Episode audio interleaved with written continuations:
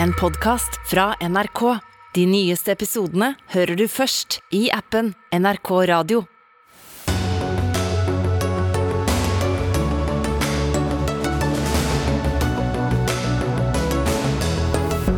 Etter 200 år som nøytrale går Sverige inn for å bli medlem av Nato. Blir de angrepet før medlemskapet er et faktum, lover Norge å stille opp. Ledelsen i Rødt har skiftet linje i Nato-spørsmålet uten noen demokratisk prosess. Det mener sentrale politikere i partiet, som slår fast at den nye linja strider mot politikken de har vedtatt. En norsk biskop ba Gud gripe inn i abortkampen i USA. Svært kritikkverdig, ifølge et kirkemedlem. Og nesten 11 milliarder til bøndene er ikke i nærheten av å dekke gapet mellom vanlige lønninger og hva bøndene tjener, sier en bonde. Og han kommer til oss i Dagsnytt 18 i dag ved Sigrid Solund. Etter 200 år med alliansefrihet har den svenske riksdagen bestemt i dag at regjeringen skal søke om Nato-medlemskap for Sverige. Bakgrunnen er som kjent Russlands krig mot Ukraina. Det beste for Sveriges sikkerhet er å bli med i Nato sammen med Finland, sa Sveriges statsminister Magdalena Andersson tidligere i dag. Ebba Busch, du er partileder for Kristdemokraterna, altså Kristelig Folkepartis svenske søsterparti, og med hos oss, velkommen. Tusen takk. Du har jo vært for et svensk Nato-medlemskap i flere år. Hvordan vil du beskrive denne dagen? Det er självklart en historisk dag, men jeg skulle si at det er et klokt beslut i en veldig svår tid, Där det beste settet å sikre vår sikkerhet, men også bidra til ökad sikkerhet for Finland, hele Østersjøområdet og også Norge, det er et fullvärdigt svenskt Nato-medlemskap. Hvorfor er du så sikker på det? Därför att vi har egentligen inget annat fullgott alternativ. Det finns inget tillräckligt starkt politiskt stöd i Sverige för en så stor utbyggnad av det egna försvaret. Och vi har också under flera veckors tid haft en bred parlamentarisk grupp som har tittat på vilka säkerhetsgarantier man egentligen kan vara säker på att få med bara bilaterala samarbeten och uppgörelser och landat i att det är inte ett fullgott skydd vid en större aggression ifrån till exempel Ryssland. Då krävs ett fullvärdigt NATO-medlemskap.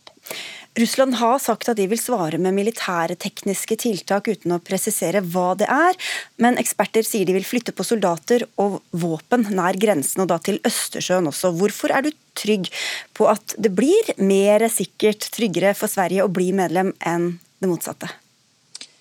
Er det riskfritt å gå med i Nato? Nei. Er det større risk å forbli utenfor Nato? Vårt svar er ja.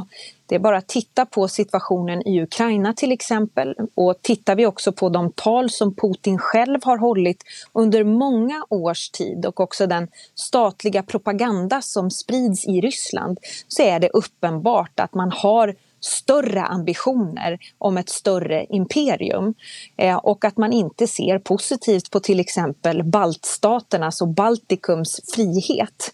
Eh, och då är det viktigt att, att ha ett fullgott skydd med ett NATO-medlemskap eh, och att vi nu också går den väg som, som Norge sedan många år tillbaka har gått.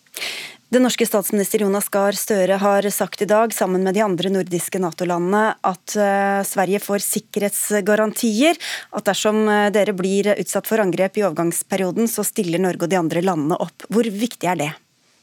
Det är otroligt viktigt og och jag vill passa på med den breda enighet som finns i Sverige att gå med i Nato, att också uttrycka tacksamhet för att Nato så tydligt har tagit ställning og och visat att man är beredd att backa upp Sverige i det sårbara läge som vi nu är i efter att regeringen har gett besked om att man ansöker om NATO-medlemskap och till dess att vi är fullvärdiga NATO-medlemmar. Til slutt, eh, Ebba Busch, eh, Nato-landet Tyrkia krever at Sverige må fjerne forbudet mot våpeneksport til, nei, til Tyrkia for å godkjenne søknaden. Er det aktuelt? Jag tar fasta på de orden som generalsekreterare Jens Stoltenberg har markerat, nämligen att han inte tror att Turkiet i slutändan kommer att stå emellan svenskt, eh, ett, svenskt och finländskt NATO-medlemskap. Og och för mig som, som ju själv är barnbarn till en norsk motståndsman döpt efter min farmor Ebba som själv blev beskjuten under andra världskriget så är det här en, en fråga som berör mig mycket. Att vi nu också väljer att förhålla oss till den säkerhetspolitiska realitet som, som är eh, och väljer att ta fullt ut ansvar för, för vår säkerhet men också bidra till andra länders säkerhet genom ett NATO-medlemskap. Takk for at du var med i Dagsnytt 18, Ebba Busch, partileder for Kristdemokraterna. Det var bred enighet om svensk medlemskap i forsvarsalliansen da dette ble diskutert i Riksdagen i dag. Bare to av åtte partier stemte imot forslaget. Adam Sveiman, politisk redaktør i Göteborgsposten. Russland er jo ikke blitt en trussel, en hot over natten.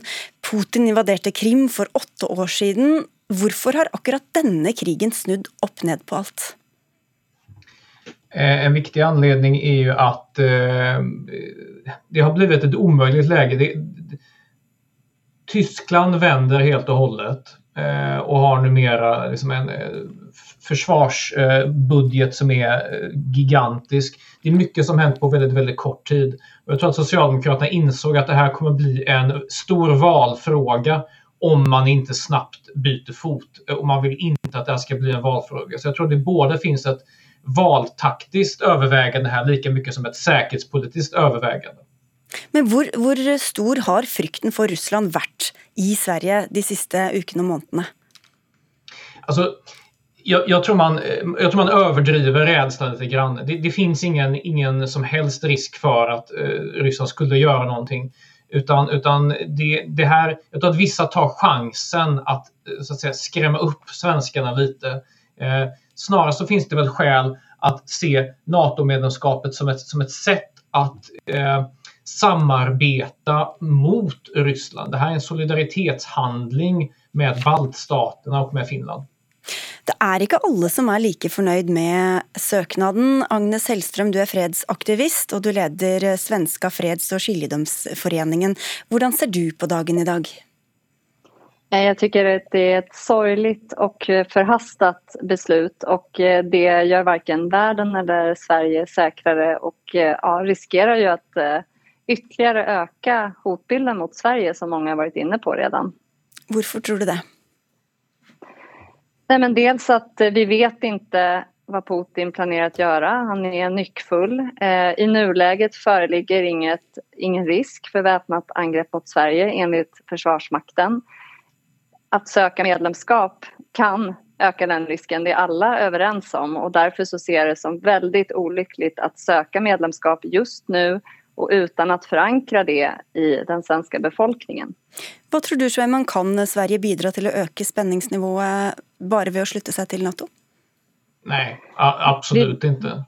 Det, det, det är fullkomligt otänkbart att tro att det skulle öka risken för anfall mot Sverige. Det är precis tvärtom.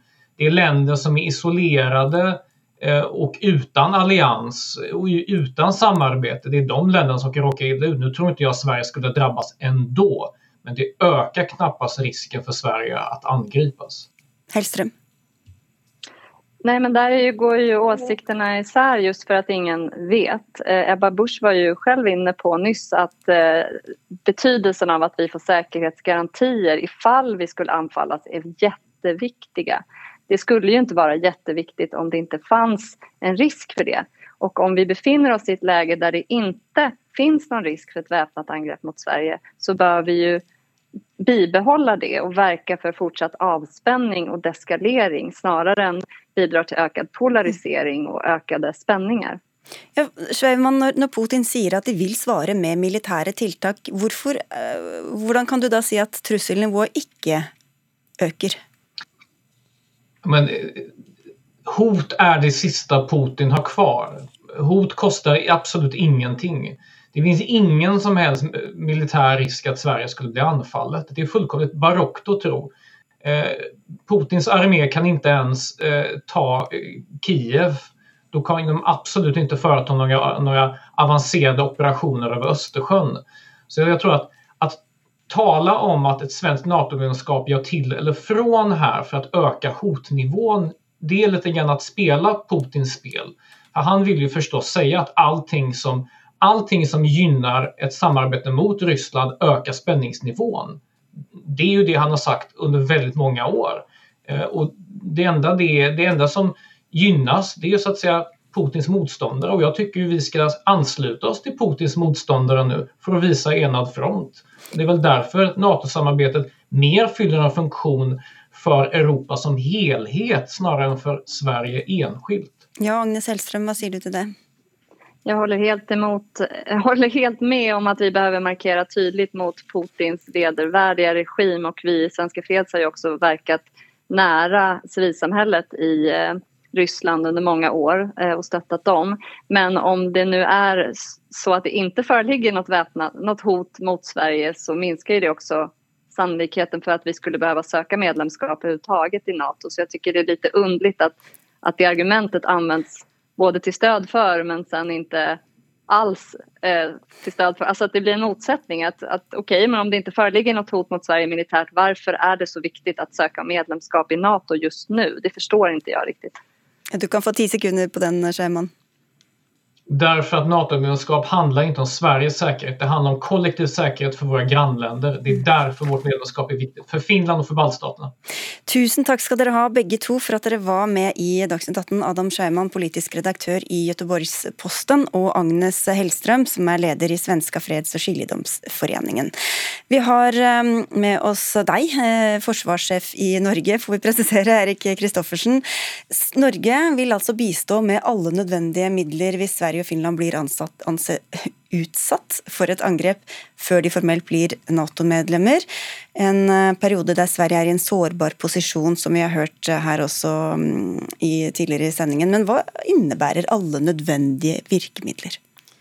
Ja, Det er jo en, eh, en sak som, som, statsministeren vår sa i dag. Det at vi skal bistå Sverige med alle nødvendige virkemidler hvis de blir utsatt for et, for et angrep da, i den perioden som, som de går inn i noe. For, for meg så betyr jo det at vi, vi skal støtte militært. Eh, hvis det blir behov for det, avhengig av hvordan situasjonen ser ut. Og Det er jo den situasjonen som må, må, må, diktere om hva vi eventuelt skal støtte med. Men det kan jo være kapasiteter som er militære kapasiteter. Vi har, vi har i Norge både eh, jagerfly, vi har en, et sjøforsvar, vi har eh, styrker som er vant med å jobbe sammen med svenskene, også på landjorda. Så, så, vi har egentlig ganske mange kapasiteter som, som, vi i Norden er vant med å jobbe sammen mm. Så dette er vi rustet for?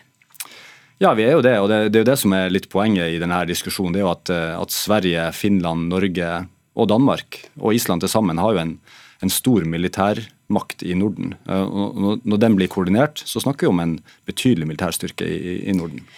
Putin sier litt ulike ting, men han har bl.a. sagt at dette vil absolutt provosere fram en reaksjon. Hva slags reaksjoner er det norske forsvaret beredt på?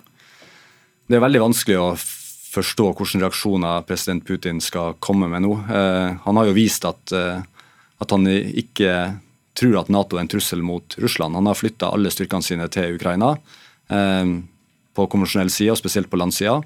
Så det han har igjen, det er å rasle med atomvåpen, som vi har sett at det har vært gjort. Så, så hvordan er, eh, eventuelle reaksjoner skal være, uten, foruten å plassere ut kanskje atomvåpen, det, det, er vanskelig å se for seg. Dette med at vi nå får et tettere samarbeid med Finland og Sverige, hva gjør det med hvordan det norske forsvaret må innrettes, hva vi skal satse på, hvor pengene går osv.? Ja, nei, Vi har jo et veldig tett samarbeid i Norden allerede. Så, så det at vi nå eh, ser at Sverige og Finland søker Nato-medlemskap, betyr at vi akselererer det nordiske samarbeidet. Og Det har vi snakka om eh, i nordisk sammenheng allerede. Både det å ha felles eh, forsvarsplaner, eh, se på det felles problemet vi har sånn militært sett, det at vi har tre store land i, i Sverige, Norge, Sverige og, og Finland, med en befolkning som er ganske lita i forhold til de store land, og for Norges del også havområdene som skal forsvares. Og Der kan man nå se i sammenheng, både i forhold til, til å bruke territoriet hos hverandre, eh, flybaser hos hverandre, men også se samla sett hvordan kan den skandinaviske halvøya forsvares i samarbeid med, med andre Nato-allierte. Ja, men Hvordan kan det påvirke organiseringen av det norske forsvaret, da? Ja, Det skal vi jo se på, eh, men i praksis så har jo det norske forsvaret eh, vært under konstant omorganisering helt siden 90-tallet. Men med et veldig fokus på at vi skal være en del av, av Nato og, og være Nato i nord. Nå blir vi ikke alene i nord. Nå blir vi sammen med, med Sverige og Finland. Og Da må vi se den samla kapasiteten som, som, er i, i nord. Og Så får vi se hvordan det slår ut i eventuelle fremtidige organisering av Forsvaret. Ja, for Da kan det også bli aktuelt å endre hvor styrker skal plasseres, f.eks. Ja, jeg tror vi har gjort veldig mye rett i Norge. Det, det at vi bygger opp i nord med Finnmark landforsvar, med at vi seiler mer i nord, og at vi, eh, vi, satser også på avanserte nye generasjon, femtegenerasjons jagerfly, viser at vi er på rett vei. Men det har vært gjort uten å se på Sverige og Finland som en, som en partner. Så, så, det vil jo uh, endre seg når vi ser også det finske og svenske territoriet i sammenheng med oss. Men det er ikke gitt at, at Sverige og Finland og Norge har de samme prioriteringene eller bekymringene. Hvem skal bestemme da, hvis det er uenighet? Nei, det er jo, Nato består av 30 og snart 32 eh, selvstendige nasjoner. og De har sine egne eh, nasjonale eh, målsetninger som de skal nå. Eh, men eh, sammen, sammen i, i, det her så, så, er det jo basert på konsensus i alt det som skjer i Nato. så det er ingen, det er ingen som bestemmer over de andre i Nato. Vi, vi er 30 land som står sammen og, og blir enige om ting. Eh, og Det må jo også Sverige og Finland nå bli vant med at, å jobbe i den, i den, i den kan du si, Nato-sammenhengen. Og det, det, som Nato gjør, da, det er at de setter opp styrkemål for hver enkelt nasjon. Det kalles egentlig artikkel 3. Altså Hver enkelt nasjon skal være i stand til å forsvare seg sjøl. Og så er det artikkel 5 i Nato, som gjør at, at eh, hvis én nasjon blir angrepet, så er det et angrep på alle. og Da skal alle stille opp samla. Og Det har gjort at Norge også har basert deler av forsvarsplanene for Norge på å ta imot alliert støtte, som vi f.eks. så under den store vinterøvelsen Cold Response, der vi trente nettopp på å ta imot allierte. Det er jo USA som egentlig har vært vår nærmeste allierte. Når vi nå knytter oss nærmere opp mot nabolandene, hva kan det gjøre med forholdet til USA? Jeg var i USA i, i forrige uke og snakka både med den amerikanske forsvarssjefen og sjefen for det amerikanske marinekorpset. Og, og, de er jo veldig glad for det her eh, nordiske eh, samarbeidet som allerede foregår, men eh, også veldig støttende til selvfølgelig finsk og svensk Nato-medlemskap. Så USA vil fortsatt være vår viktigste allierte. Det er, ingen, det er ingen nasjon i Nato som kan erstatte USA når vi ser på kapasiteter. De har helt andre militære kapasiteter enn, Sverige og Finland noen gang kommer til å ha. Men det er klart, også for USA så betyr det at, at et sterkt nordisk forsvar bidrar til å, i enda større grad til å forhindre det vi alle ønsker, nemlig å unngå en krig. Hadde du trodd at vi skulle komme hit noen gang? For meg så er det jo en, eh, det en historisk tid vi lever i. Altså, jeg hadde ikke trodd jeg skulle oppleve en pandemi. Jeg hadde ikke trodd at vi skulle oppleve at Russland angrep Ukraina i det omfanget som vi har sett. Eh, etter 23, 24. februar. De gjorde det jo på Krim og, og i øst, men at det skulle være så massivt angrep. Jeg hadde heller ikke trodd at, eh, at Sverige og Finland skulle søke Nato-medlemskap så raskt. Det hadde jeg ikke trodd. Nå skjer det altså. Takk skal du ha, forsvarssjef Eirik Kristoffersen, for at du kom til Dagsnytt 18.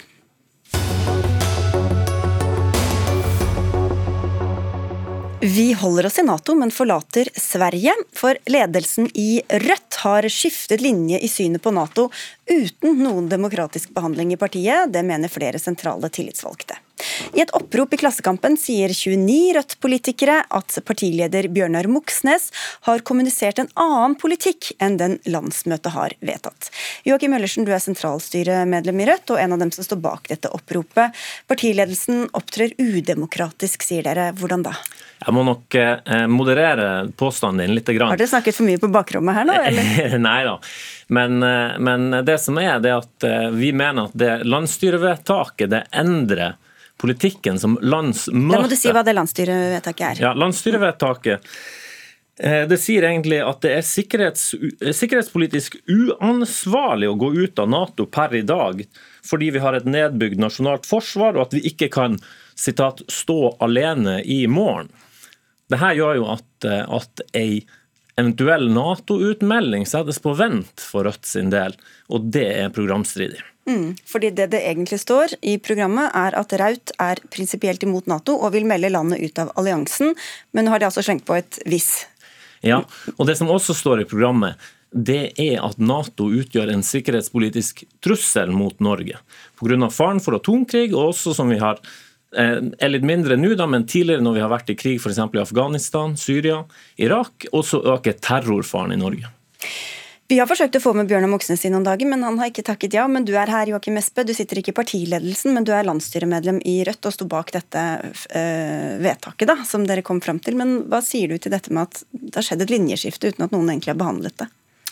Nei, altså jeg syns dette oppropet var litt rart. For er det én ting Rødt har gjort uh, som eneste parti denne våren, er jo så tydelig opp for Nato-motstanden. Og det er viktig. Uh, Nato gjør oss avhengig av Eh, allianse med, med, USAs utenrikspolitiske interesser. Det drar oss inn i angrepskriger, eh, eh, krigsdeltakelse i Afghanistan og Libya, ført til enorme sivile lidelser, store flyktningstrømmer og har destabilisert hele regioner.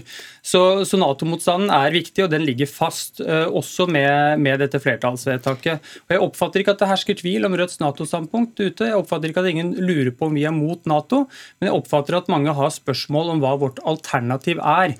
Derfor mener jeg det er viktig at det vi kan gjøre for å øke Nato-motstanden, det er jo å forklare eh, hvordan vi vil bygge opp et selvstendig norsk forsvar som gjør det mulig. Men, men Bjørnar Moxnes sa i midten av mars at du kan gjerne være for Nato og samtidig trygt stemme på Rødt. Hvordan skal det leses annerledes enn at det er ikke så farlig lenger, akkurat den bastante Nato-utmeldelsesiveren?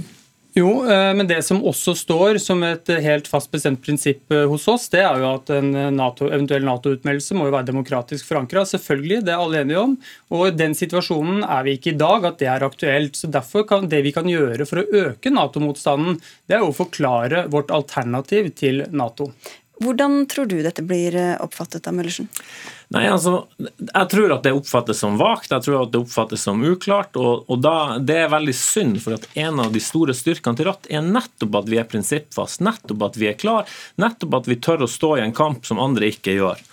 Eh, det som er, som sagt, det er at det, Vedtaket sier at det er sikkerhetspolitisk uansvarlig å stå alene i morgen med et nedbygd nasjonalforsvar.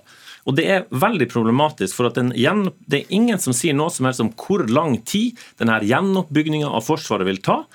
Og det er heller ingen som har noe som helst slags begreper om når det er vi får andre nordiske land med oss på en forsvarsallianse. Akkurat nå så ser jo det veldig mørkt ut. Ja, hva skal egentlig til for å ha nådd dette målet om at nå er vi sterke nok til å forsvare oss eh, selv, Espe? Nei, altså Å trekke opp det som er mot, altså at en uh, nordisk forsvarsallianse eller uh, et visst nivå på det norske forsvaret må være på plass før en Nato-utmeldelse, det blir jo litt sånn konstruert uh, problemstilling. Det er det dere har vedtatt. Dette må skje hånd i hånd. Vi må samtidig i dag kreve en annen forsvarspolitikk som bygger opp det norske forsvaret. Det har blitt bygd ned systematisk. Hæren er det redusert. Jo, nå skal de jo bygge opp det norske forsvaret, men blir det ikke noe nærmere noen Nato-utmelding av den grunn? at vi har et selvstendig norsk forsvar som er i stand til å gjøre det oppgaven å forsvare Norge, og ikke er rigga for utenlandskrig, det vil øke muligheten for å kunne gå ut av Nato. Men man kan jo også Møllersen, spørre seg altså i alt 72 av Rødts velgere er tilhengere av norske medlemskap eh, i Nato, ifølge en undersøkelse Norstat har gjennomført for Aftenposten. Hvor viktig er det da å holde denne fanen veldig høyt hevet, når det både er realpolitisk helt uaktuelt, og deres egne velgere egentlig er imot? Det er viktig fordi det er en veldig viktig sak. Nato har gått i angrepskrig etter angrepskrig de siste 20 årene. Det er ikke fred i Afghanistan. Det er ikke fred i Libya. Den krigen har spredd seg. Vi snakker om hundretusenvis, vi snakker om flere millioner flyktninger, titusenvis av mennesker drept. Hvis vi skal trekke inn Irak-krigen, så kommer vi kanskje på antall drepte over en million. Det er fremdeles ikke krig der, eh, beklager, ikke fred der heller, og en, og en krig som har spredd seg. Eh, det, og, og, og jeg, jeg mener det er et spørsmål om tid før vi får en ny Nato-krig.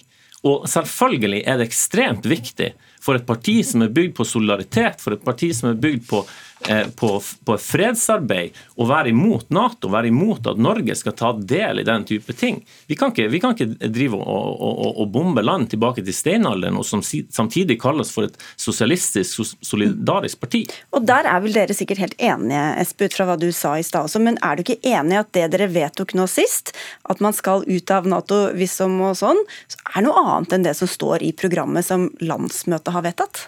Nei, prinsipprogrammet slår fast at vi ønsker å melde oss ut av Nato, men vi ønsker ikke å sette landet forsvarsløst. og Det er det, den politikken vi fortsatt står på. Vi er helt klart uh, mot Nato, og vi, jeg mener nå at uh, istedenfor denne litt sånn teoretiske debatten uh, jeg opplever dette er, så burde vi heller hatt en debatt om hvordan vi i praksis kan bygge opp et alternativ til Nato. og Det handler om å bygge opp norske forsvarsevnen, ruste opp Hæren, bygge opp Heimevernet og sikre at det norske forsvaret har som prioritert oppgave å forsvare Norge og ikke drive angrepskrig i andre land. Der er vi helt enige, og jeg håper at vi framover kan samle oss om å nå disse konkrete problemstillingene bedre. Nå kommer jo denne teoretiske debatten du sier fra medlemmene selv. da. Hva er det dere vil oppnå, Møllersen? Eh, vi vil at nettopp at NATO Nato-motstanden vår skal stå fast. Vi har sett flere eh, venstrepartier i Europa som har vært på glid, gått vekk fra det, ikke klart å holde seg på ei fredslinje. Enhetslista f.eks. gikk for å bombe eh, Libya. Det er en fullstendig katastrofe for, for Rødt hvis vi skulle gjøre noe sånt. Og Det er også derfor vi er nødt til å stå fast, ikke være på glid. Og vi kan da ikke akseptere å være med i Nato fem år, ti år, 20 år eh, av en grunn som jeg ikke helt eh, forstår. Ti sekunder, Espe. Nei, men altså, der er Vi er helt enige at vi ønsker ut av Nato, men da må vi ha en konkret politikk for hvordan vi skal øke den opinionen mot Nato. og Da tror jeg ikke svaret er å gjøre Nato-motstanden så smal som mulig, men heller å bre den ut og forklare hva vårt alternativ er, og trygge folk på at det fins andre muligheter for å forsvare Norge enn å være del av en angrepsallianse. Da sier vi tusen takk for at dere tok den interne debatten ut i offentligheten her i Dagsnytt 18, og gjennom Klassekampen selvfølgelig først. Takk skal dere ha begge to, Joakim Møllersen og Joakim Espe, begge fra Rødt.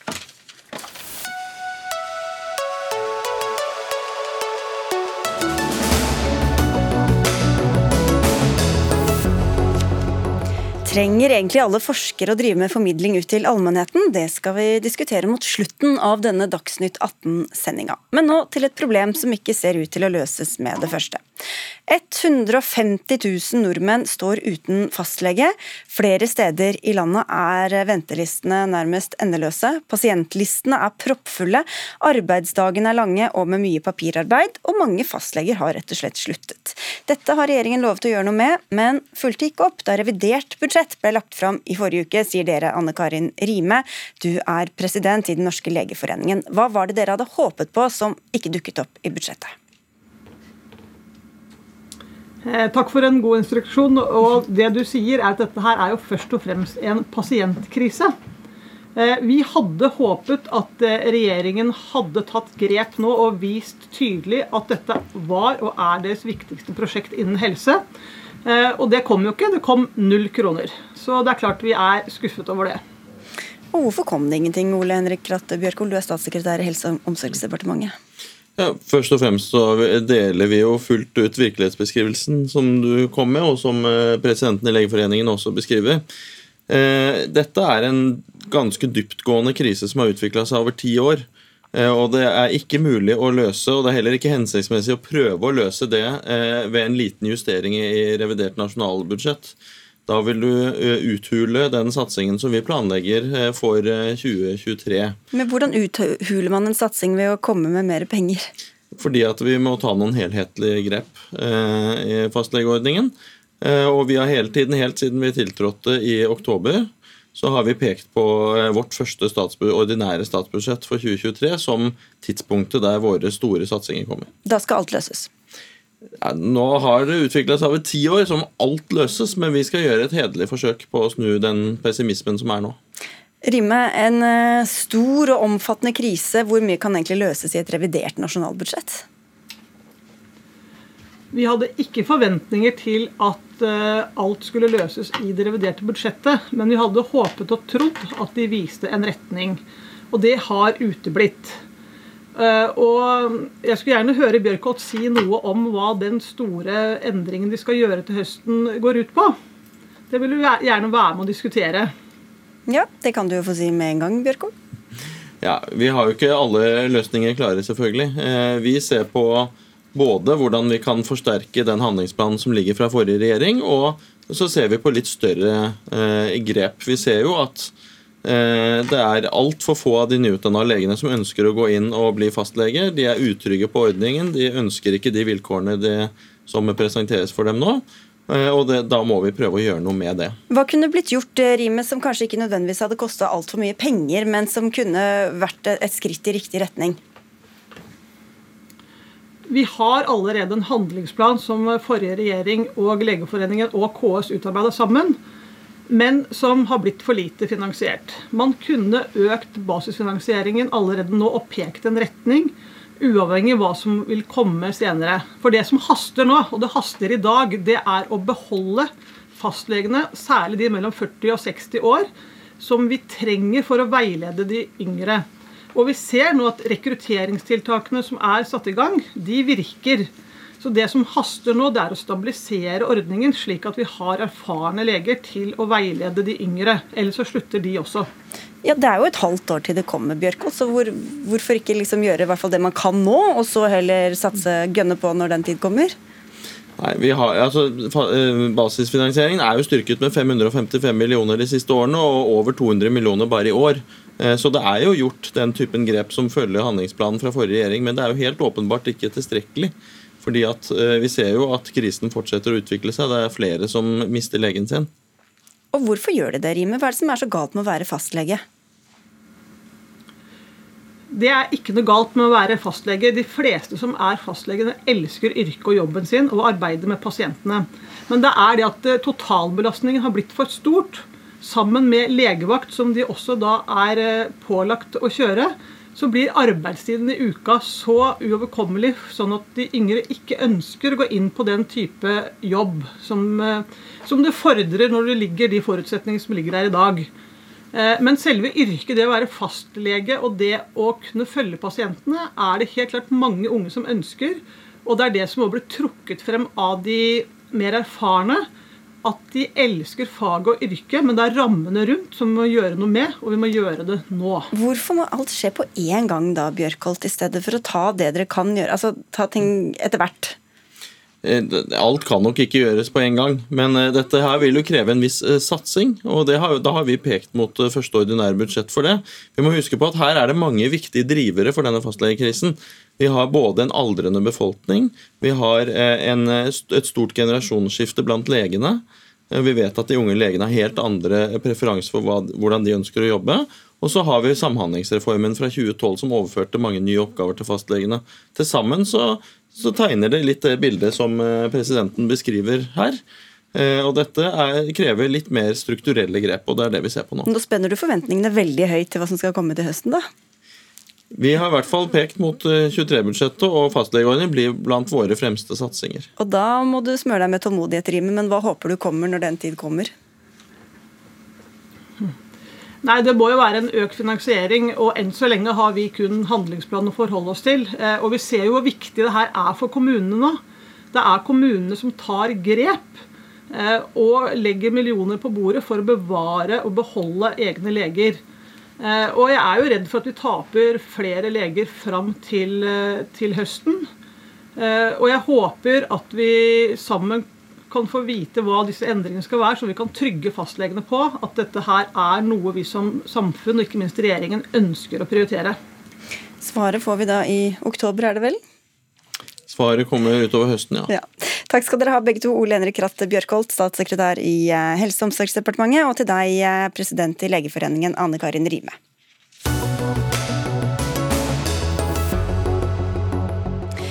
Kan Gud sikre amerikanske kvinners rett til selvbestemt abort?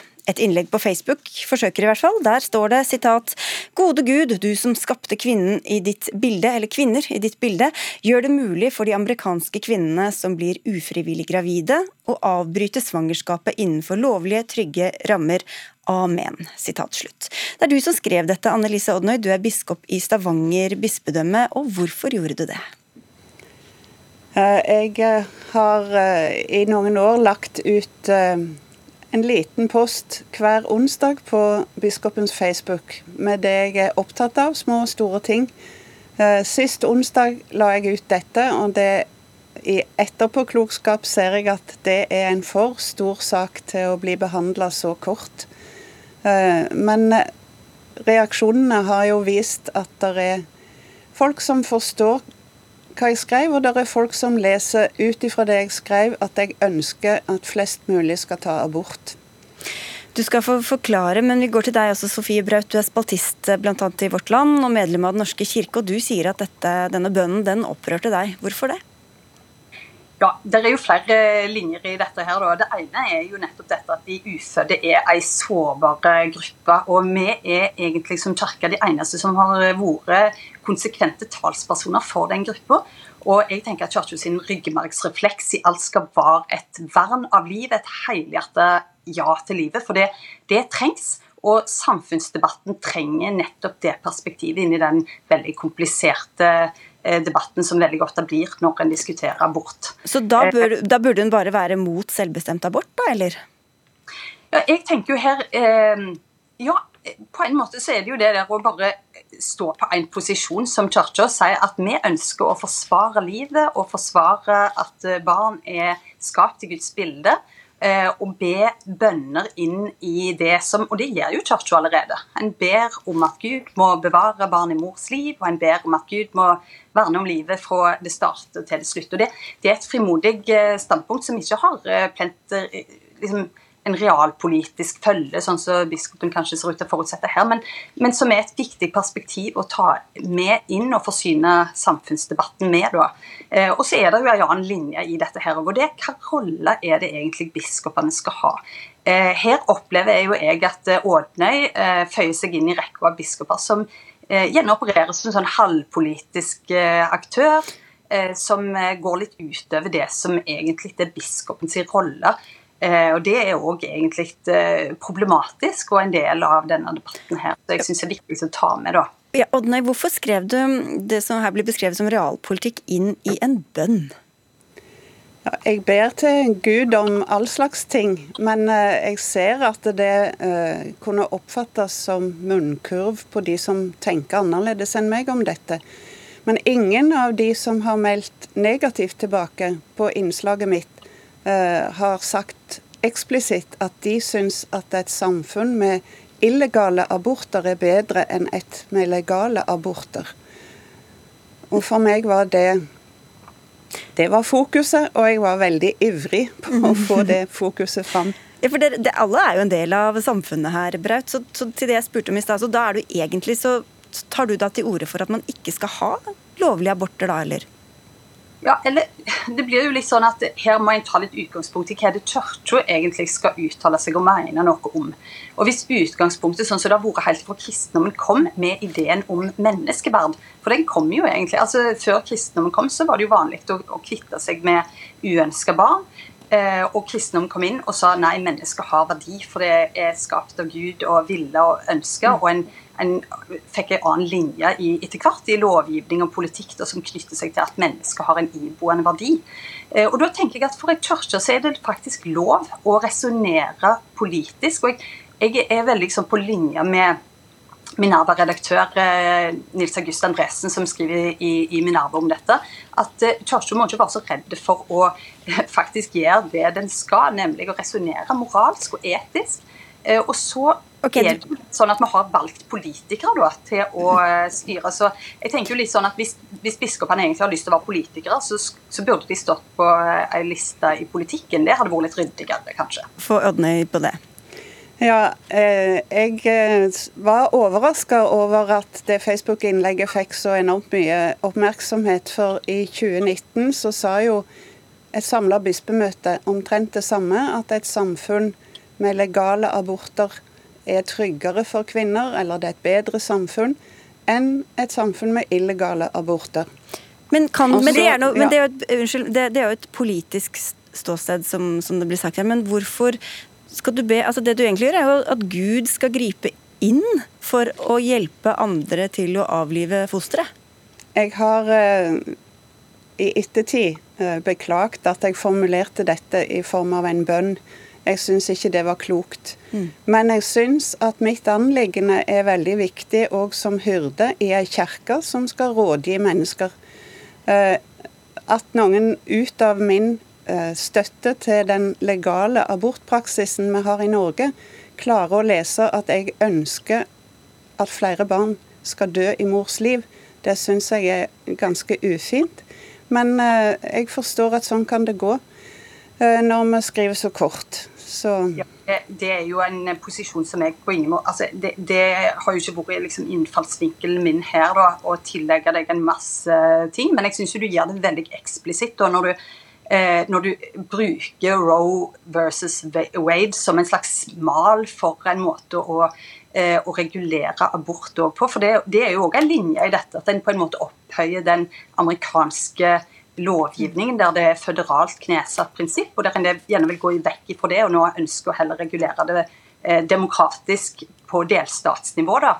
Så, så tenker jeg at det, er det liksom biskopen sin jobb å, å fremme en bestemt stat sin lovgivning på et felt som en egentlig da er imot? For en sier jo òg at en ønsker å, å verne om eh, barn i mors liv. Så For meg blir det veldig utydelig. Og jeg syns biskopene roter seg inn i ei rolle der en, der en trett prøver å eh, framstå politisk, og samtidig okay. Det var du inne på i stad. Da, da, skal biskopen få svare på det til slutt.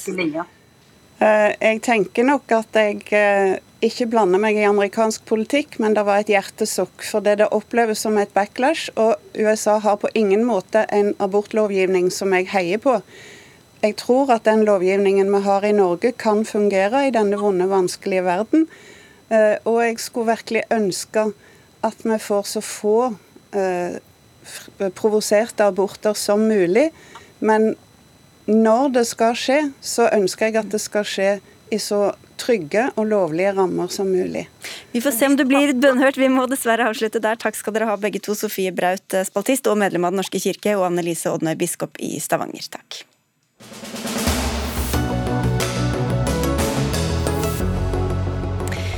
10,9 milliarder kroner det er utfallet av årets jordbruksoppgjør. I det ligger full kostnadskompensasjon til bøndene, som også får 40 000 kroner mer per årsverk enn det andre yrkesaktive vanlige folk da altså får i lønnsoppgjøret. Dermed fikk bondeorganisasjonene forhandlet noe opp fra statens opprinnelige tilbud. Men du er likevel ikke fornøyd, Anders Klemon. Du er økonom, melkebonde og medlem av Bondelaget. Du kaller det monopolpenger, disse midlene som er framforhandlet. Hvorfor det? Ja, altså Først så må vi jo ta premissa for, eh, for inngangen her. At, eh, at, vi løfter inntekta ytterligere enn det andre lønnsmottakere får. Det, det skal bare mangle når en faktisk ser på hvor langt bak vi ligger i, fra før. Eh, og det, det er eh, en, en, annen diskusjon. Eh, jeg har fått høre i dag at vi skal få tetta inntektsgapet med ca. 40 000 kroner. Et gap som foreløpig fortsatt ingen har noe formening om hvor stort er. Men når vi tar for oss sektorregnskapet i landbruket og ser på de summa som er inntektsført hos oss, så er det rett og slett penger som ikke havner i lommeboka til oss som bønder, og er ingenting som vi kan, eh, som vi kan bruke og gå til banken med å betale f.eks. gjelda vår med. Altså det blir ikke 40 000 kroner mer? Nei, det fins ingen 40 000 som blir mer i det oppgjøret her. Bjørn Gimming, leder av Norges Bondelag. Du kalte dette for første steg i snuoperasjonen eh, og ba opprinnelig om 100 000. Men er det 40 000 reelt, eller er det monopolpenger, som Klemon sier? Dette er helt eh, reelle 40 000 kroner over disse to åra som vi har forhandla for nå. Vi har eh, fått til en jordbruksavtale i år som innebærer full kostnadsdekning for 2022 og 2023. Så har vi fått på plass eh, lik inntektsutvikling som det andre grupper er venta å få i 2023. Og så har vi løfta inntektene eh, i ytterligere med, med, 40 000 kroner i, i 2023. Så dette her er reelle kroner. Hvordan kan dere regne så forskjellig, Klemon? Eh, det finnes en del poster. Heldigvis så har vi nå et, eh, et, inntektsutvalg for jordbruket som skal se litt på hvordan du regner ut lønna til bonden. Og Det blir jo veldig interessant å se hva som blir eh, lagt fram der. Men under arbeidet som nå har snart pågått et helt år, så er vi jo flere som har vært interessert i å se nærmere på sektorregnskapet for, for landbruket. For, for eksempel så så er det en nominell gjeldsrentepost i landbruket på ca. 2,3 eh, milliarder kroner. Som da blir eh, skrevet ned eh, til 300 millioner, som da blir kalt en effekt av finansiering. Det er altså da den, det er en KPI-justering på den delen som er belånt i, i, landbruket. Det er ingen andre næringer som beregner en prisstigning på den måten på den lånte delen av kapitalen. Eh, og det er altså penger tilsvarende ca. 30 000 kroner per årsverk. I tillegg så har vi òg investeringsstøttemidler som er eh, sterkt påkrevd pga. omlegging fra, fra båsfjøs f.eks. til eh, løsdrift. Dette er jo midler som på ingen måte gagner hele næringa, som alle har tilgang på. Og det vil heller ikke øke timelønna f.eks. til en snekker om jeg kjøpte en ny arbeidsbil med verktøy til den personen. Han vil fortsatt ha den samme timelønna, okay. bare en enda høyere kapitalbinding som gjør lønnsomheten enda dårligere enn den er i dag. Du skjønte sikkert mer av det her enn meg, Gimming, så du får svare det ut. Altså er, vi har, vi har en, en, tallgrunnlag å, å forhandle ut ifra. Det er viktig for jordbruket at vi har et omforent tallgrunnlag. Eh, det innebærer at det er noen poster som ligger fast, og de må ha noen fastpunkter dersom vi skal kunne forhandle. og Det er et viktig tallgrunnlag. Og Så er det riktig som det sies at det, det er et utvalg som jobber med å utvikle et nytt tallgrunnlag, slik at vi kan få ja, for Vi aner ikke hva det inntektsgapet egentlig er. Nei, og det, det, skal vi få et nytt tallgrunnlag som vi kan måle på nivå. og Det er jo en, en eh, jobb som egentlig begynner nå, etter dette jordbruksoppgjøret, både med, politisk, da, både med regjering og storting. og Etter hvert så skal vi da få på plass en opptrappingsplan plan med et nytt tallgrunnlag. Sandra Borch, landbruks- og matminister. Du har også kalt dette en opptrappingsplan for å tette inntektsgapet. Men når man ikke aner hvor man begynner, så aner man vel heller ikke når man er i mål? Nei, men det regjeringa har starta nå, er jo en, et startskudd for å tette inntektsgapet. Og det var viktig, et viktig signal fra regjeringa. Og vi starter allerede i 2022, altså i år.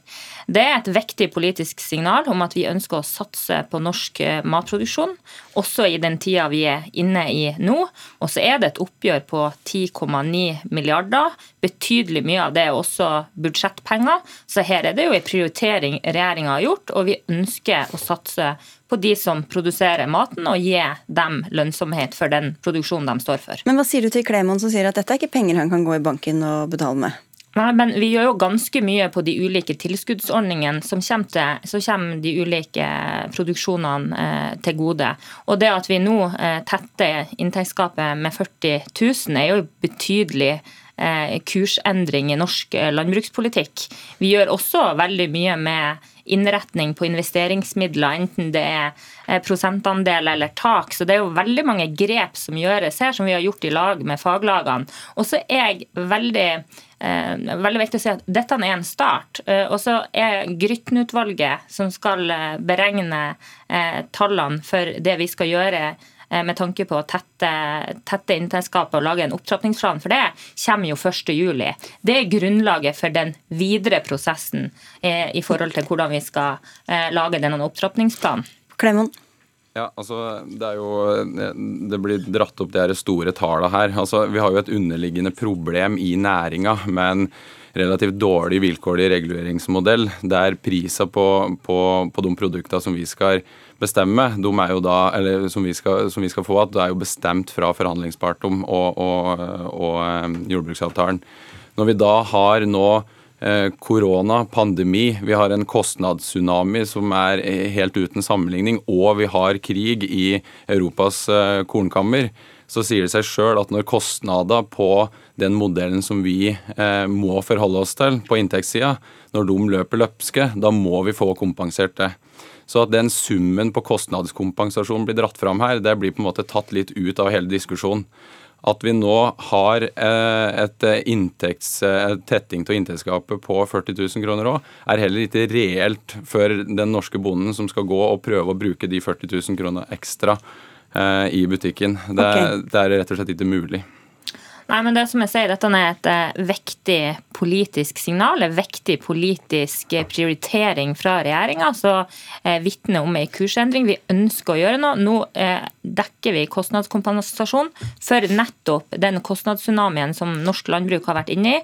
Vi gir også et signal nå på at vi starter tetting av inntektsgapet på de ulike produksjonene, og det, det er viktig for regjeringa. Men det er jo andre arbeidstakere også som har fått mye høyere utgifter. Hvorfor er det rettferdig at bøndene skal få så mye mer enn alle andre? Jeg syns det blir feil å sette grupper opp mot hverandre. Dere norsk... gjør jo det når dere sier at gapet skal tettes. Jo, så sammenligner dere jo. Jo, men så må vi òg huske på at eh, norske matprodusenter, norske bønder, har hunget langt etter i veldig mange år. Dette er matprodusenter som har følt på en økonomisk utrygghet eh, i flere år nå. Nå har regjeringa sagt at vi ønsker å prioritere norsk matproduksjon. Og det er også gitt situasjonen vi nå ser i verden knytta til matberedskap. Og det viktigste vi gjør med tanke på matberedskap, er å ha en jevn produksjon året rundt. Og så må de som produserer maten, eh, ha lønnsomhet for å produsere den. Og det er det regjeringa i dag har levert et tydelig signal på at vi ønsker. Og hvor stort inntektsgapet er, får vi altså vite om eh, noen måneder. Takk skal dere ha alle tre for at dere var med. Sandra Borch, landbruks- og matminister, matminister, Bjørn Gimming, som er leder av Norges Bondelag, og Anders Klemon, som er bonde og økonom.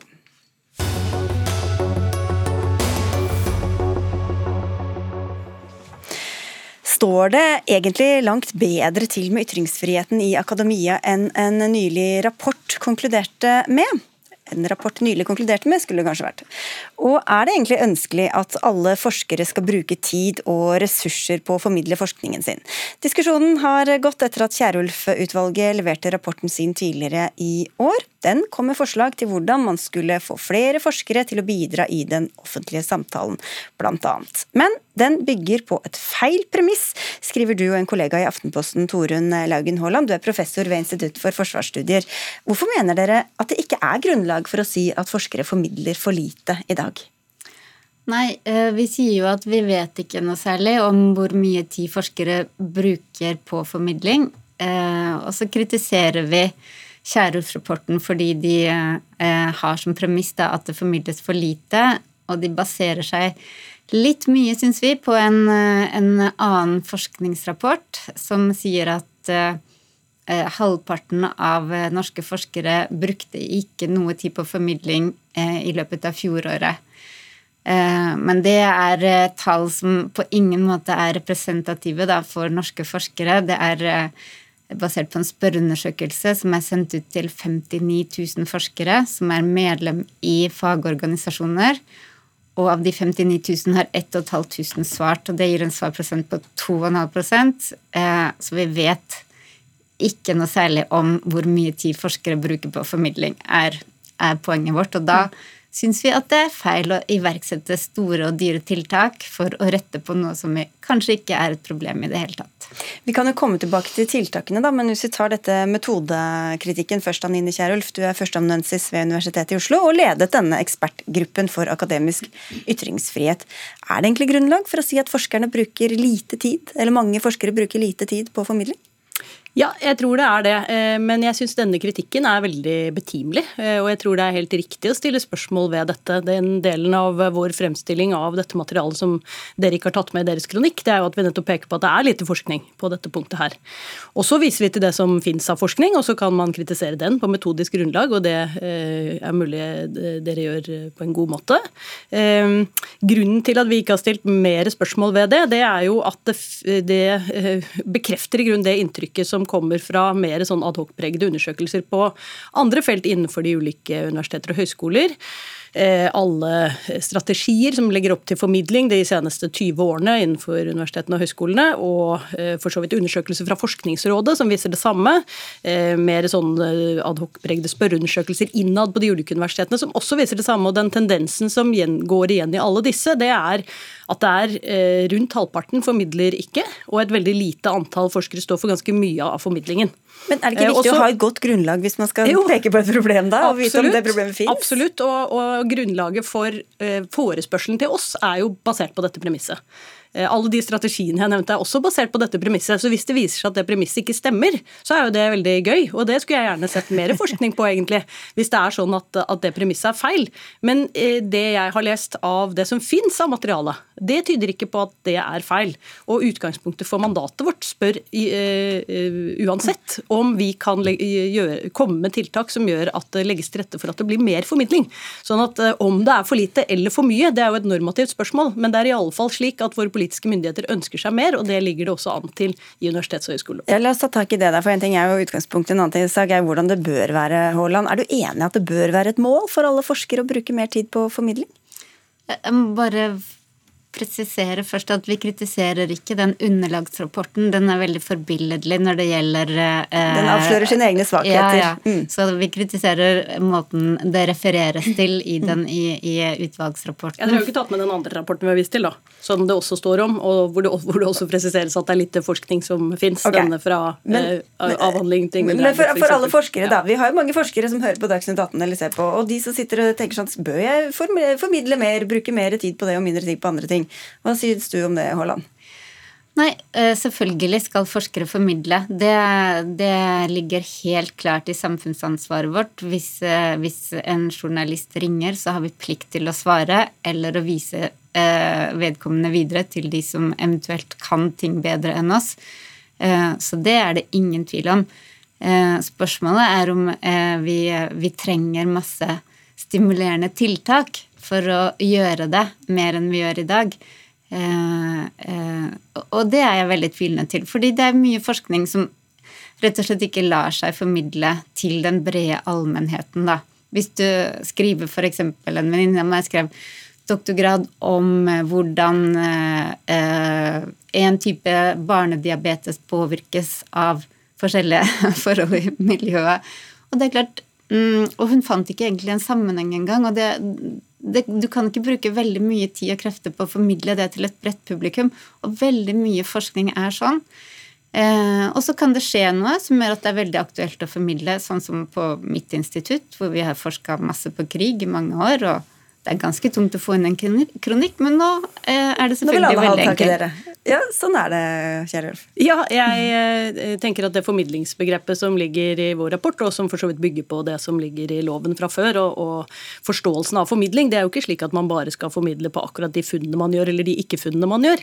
Eh, det, er jo et, det, er jo det ligger jo i vårt samfunnsansvar å delta i samfunnsdebatten med den kunnskapen vi har. Det står i Grunnlovens paragraf 100 sjette ledd at det påligger statens myndigheter å legge til rette for en åpen og opplyst offentlig samtale. Noen må jo stå for den opplysningen. Det er utrolig mye forskere har kunnskap om, som eh, den jevne borger ikke har kunnskap om, som det er fullt mulig å delta i den offentlige debatt med, selv om man forsker på felt som ligger litt utenfor eh, det som er eh, aktuelle temaer i debatten. Og når man ser nå nettopp på krigen, da, hvor, som jo har utløst et ufattelig mangfold av formidling. En ting er fra, fra Forsvarets høgskole, som jo er flott, ikke sant? men noe vi overhodet ikke visste noe om før, fordi det var ikke så mye av den formidlingen, eller den slapp iallfall ikke til på den måten. Eh, kanskje er det sånn at man nettopp forløser et potensial for å få mer kunnskap ut til samfunnet når man skjønner at det fins der inne, men ikke minst når vi akademikere forstår hvor stort det bidraget vi faktisk har, er men, ut men da, til samfunnet. Da gjør det jo det når behovet er der, men hva med ellers når behovet ikke er der, og insentivene eh, skal da liksom sørge for at du skal formidle, eller så får du ikke pengene du, du ønsker deg? Det er jo ikke sånn som vi legger opp i det hele tatt. Det vi gjør, eh, vi gjør er jo å gjøre det litt mindre enkelt å komme seg opp og frem i akademia uten å vedlikeholde det tredje samfunnsoppdraget som ligger i universitets- og høyskoleloven, nemlig formidling. Vi er betalt altså, stort sett av skattebetalerne for å forvalte masse kunnskap. Da må vi dele den der hvor vi kan, når vi kan. Mm. Og det er det jo ingen uenighet om. Selvfølgelig eh, eh, skal vi eh, dele kunnskapen vår. Eh, både når den er etterspurt, og vi skal eh, gjøre tiltak sjøl for å dele kunnskapen vår. Eh, ikke bare sitte og vente på at telefonen ringer. Men, men eh, jeg har inntrykk av at forskere gjør det. De arrangerer seminarer. Alle, alle eh, søknader og midler nå krever at du har en formidlingsplan som er ganske detaljert retta mot ulike målgrupper. Så, så jeg syns det formidles masse. Eh, og jeg føler at utvalget har på en måte ingen tiltro til at eh, forskerne selv kan på en måte gjøre fornuftige valg da, om når de må prioritere formidling, og når de må ha skjerma tid og sitte rolig og tenke dype tanker og forske i fred og ro. Eh, når dere setter så spesifikke krav og innfører f.eks. en sånn formidlingsindikator hvor vi skal registrere all formidlingen vår, og det skal resultere i midler. Og det har en kjempeeffekt på prioritering av tid for forskere. nå vil jeg bare si, eh, nå har du sagt du har en antagelse og du har et inntrykk av det er heller ikke spesielt metodisk godt grunnlag for å anta at det formidles nok, vil jeg si. Eh, og for det andre, den formidlingsindikatoren eh, den er jo ikke ment for at man skal få noe ekstraarbeid eller noe mer pålegg. Den er ment for at man skal kunne få uttelling for noe som også tar tid. Sånn som man nå snakker om oppdraget innad i akademia, så snakker man om 50-50 eller 40-60 forskning og undervisning.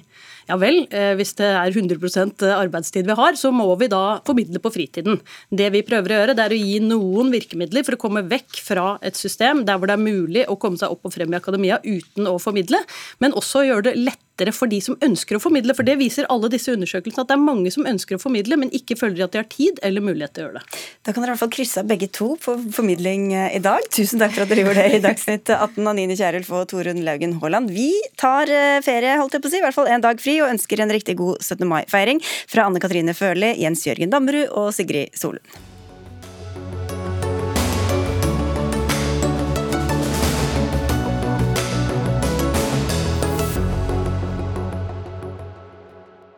Du har hørt en podkast fra NRK. De nyeste episodene hører du først i appen NRK Radio.